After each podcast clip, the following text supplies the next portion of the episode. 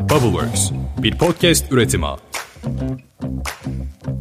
Kötü gününüzde sırtınıza bir battaniye, elinize bir fincan kahve uzatıp geçecek deyip omzunuzu sıvazlayan program Pandora'nın Kutusu podcastinden herkese merhaba. Ben sunucunuz Merve. Bugün yakın zamanda hepimizin sıkça duymaya başladığı hatta Instagram'da ve internette sıkça reklamlarını görmeye başladığımız bu aile dizimi konusundan bahsetmek istiyorum. Bu konuyu konuşmaya karar verdiğimde arkadaşlarımla Zeytin Ağacı dizisini izliyorduk. Hepinizin de son dönemde çok fazla duyduğunu düşünüyorum bu diziyi. Dizi birazcık mistik bir hava katmaya çalışmış aslında konuya. Olay örgülerini ben biraz abartı buldum. Aslına bakarsanız tam olarak aile dizimi reklamı yapmak amacıyla çekilmiş olduğunu bile söyleyebiliriz. Biraz spoiler içerecek onu baştan size söyleyeyim. Hazırsanız başlayalım. Fly me to the moon, let me play among the stars.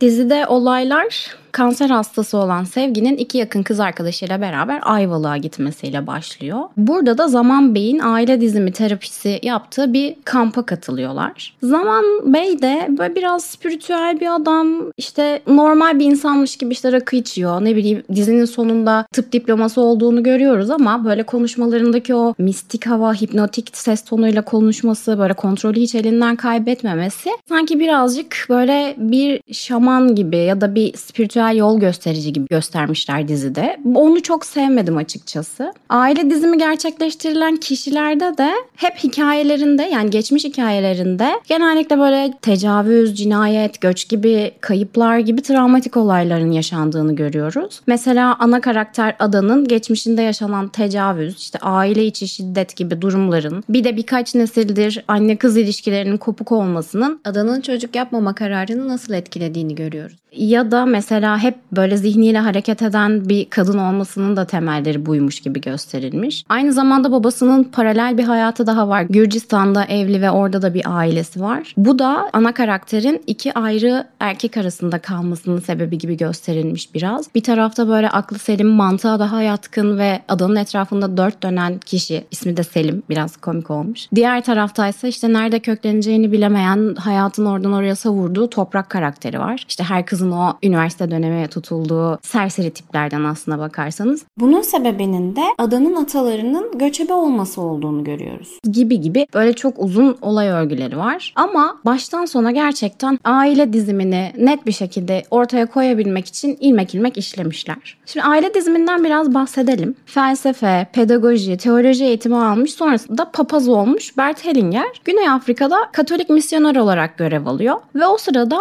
bölgenin en kalabalık etnik grubu olan Zulu kabilesiyle tanışıyor. Bunlar şamanlar ve ateş etrafında yaptıkları ayinleri izliyor Hellinger ve şeyi fark ediyor. Aslında şamanlarda şöyle arkadaşlar ruhların iyi ruhlar ve kötü ruhlar olarak ayrıldıklarını düşünürler. İnsanların da ruh ve can yani beden olarak iki unsurdan meydana geldiğini düşünürler. Kendilerini kötülüklerden ve kötü ruhlardan korumak için ve iyilerin de olumlu taraflarından yararlanabilmek için ruhlarla iletişim kurmaya çalışırlar. Bu Hellinger'in çok dikkatini çekiyor. Çünkü ailede çözülemeyen problemler olduğu zaman da buna başvuruyorlar ve ebeveynlerle çocukların arasındaki otorite ilişkisine ve saygıya hayran kalıyor açıkçası. Ondan sonra Almanya'ya geri döndüğünde çalışmalarına devam ediyor ve terapatik çalışmalarla da birlikte buradan edindiği tecrübelerle aile dizimi kavramını ortaya çıkarıyor.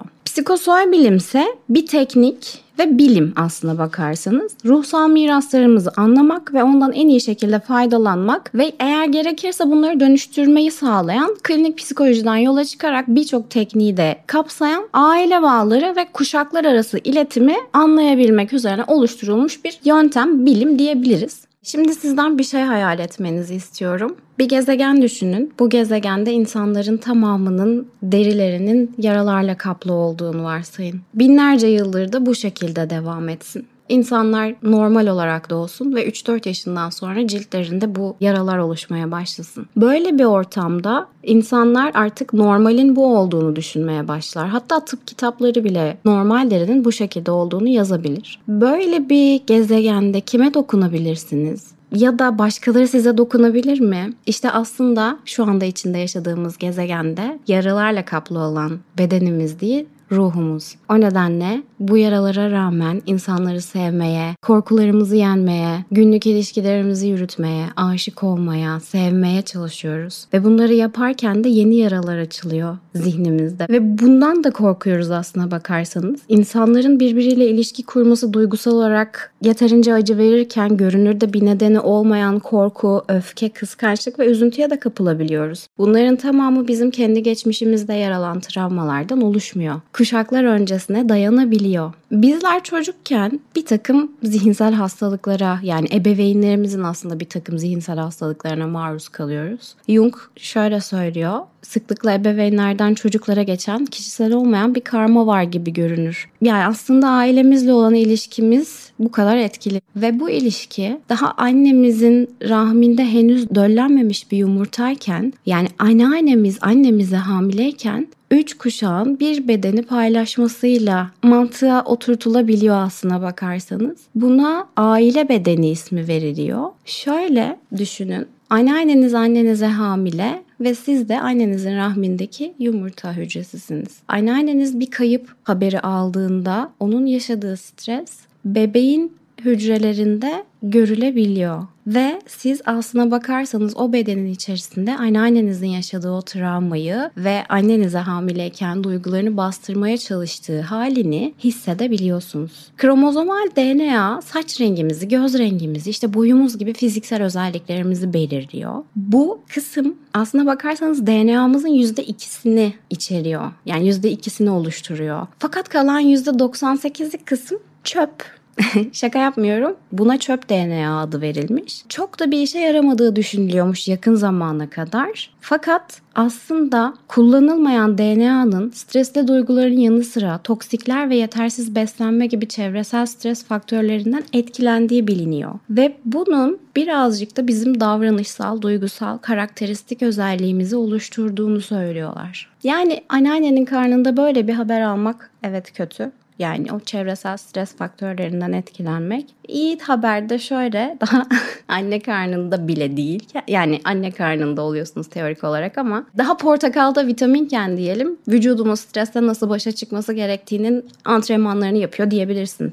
Yine benzer bir deney fareler üzerinde yapılmış ve 3 kuşak fareleri incelemişler. Bebekken fareleri annelerinden ayırıyorlar. Günde sadece 3 saat ayırıyorlar bu arada yani emzirdiği saatlerden. Ve yavrularda inanılmaz bir stres başlıyor. Ve bunu genetik düzeyde hücrelerini etkileyecek şekilde olduğunu tespit ediyorlar. Ve hatta kendi yavrularında da benzer stres genlerinin bulunduğu tespit ediliyor. Bir diğer enteresan araştırmada 11 Eylül saldırılarından sonra travma sonrası stres bozukluğu yaşayan hamile annelerin dünyaya getirdiği çocuklarda kortizon düzeyleri yüksek risk seviyesinde değil ama aynı zamanda yüksek seslerden ve tanımadıkları insanlardan da korku duyuyorlar. Ebeveynin travması çocuğun travması haline geliyor yani aslına bakarsanız. İşte böyle geçmişimizde ve geçmişimizin geçmişinden gelen bazı travmalar Ötekinin Rüyası kitabında Julio Cortázar bir mektubun ya da bir kitabın müsveddesi gibi geçmişte yırtılıp atılabilseydi keşke der. Ama daima orada durup esas nüshayı kirletiyor ve sanırım gerçek gelecek bu. Yani evet baktığınız zaman. Sırları olmayan pek aile yoktur. Evet, aile sırları biraz can yakıcıdır. Üzeri kapatılır işte hızlıca savuşturulur ama bir şekilde elden ele gezen sıcak patateslere benzetmişler bunu. Her dokunan elinin bir parça yandığı. Peki bununla ne yapacağız? Hepimizin ruhlarının yaralarla kaplı olduğu bu gezegende bununla başa çıkmak için bu yaraları açacağız, içini temizleyeceğiz. Tabii bunu dizideki gibi sadece öyle spiritüel yollarla değil de birazcık daha profesyonel destek alarak yapmayı ben size tavsiye ediyorum. Ve bu noktada da danıştığınız insanların, psikologların ya da bu tarz aile dizimi yapan insanların lütfen diplomalarını, daha önceki çalışmalarını sorun ve öğrenin. Tabii nasıl üstesinden geleceğiz? Birkaç öneri de var bununla alakalı. Bağışlayıcılık diyor Don Miguel Ruiz Ustaca Sevmek kitabında. Bu yaraları açacağız. İçlerindeki tüm zehri akıtacağız. Bunun da tek yolu kabul etmek ve bağışlamaktan geçiyor. Başkaları size ne yapmış olursa olsun, geçmişte nasıl bir acı yaşanmış olursa olsun kendinizi sürekli yaralı ve hastalıklı hissetmemek için kendinize duyduğunuz şefkatten dolayı bağışlamalısınız.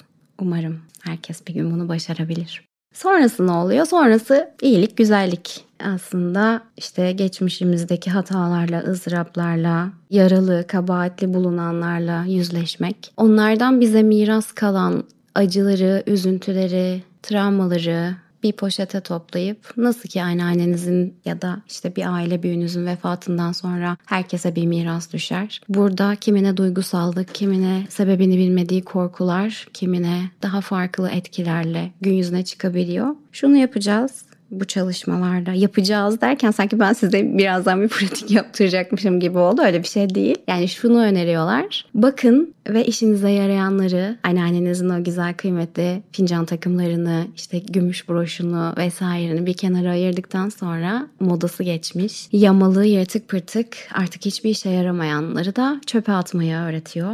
Hayata güveni olanlar ihtiyaç duyduklarını bulur diyor Schützenberger Psikosoy Bilim kitabında. Temiz kalp, hayata karşı tam bir güven ve kesin bir kararlılıkla gözünüzü iyiye açın diyor. Ve hayatımıza zannettiğimizden çok daha iyi ve kolay yön verebileceğimizi söylüyor. Çok güzel bir yazıyla bitirmiş. Emerson'ın sözleri bunlar. Ben de bu bölümü böyle kapatmak istedim. Sıklıkla ve ağız dolusu gülmek, akıllı insanların saygısını, çocukların sevgisini kazanmak, iyi niyetli eleştirilerden yararlanmak ve dost saydıklarının ihanetlerine tahammül etmek, güzelliği takdir etmek, başkalarında sahip oldukları en iyi yönleri görmek, ardında sağlıklı bir çocuk, bir bahçe veya ilerleyen bir proje gibi güzel şeyler bırakmak ve bu dünyadan geçtiğin için hiç değilse bir varlığın daha kolay soluk alıp verebilmesine yardımcı olduğunu bilmek işte benim hayatın hakkını vermek dediğim şey budur. Bölümün sonuna geldik. Dinlediğiniz için teşekkürler. Kendinize iyi bakın. Bay bay.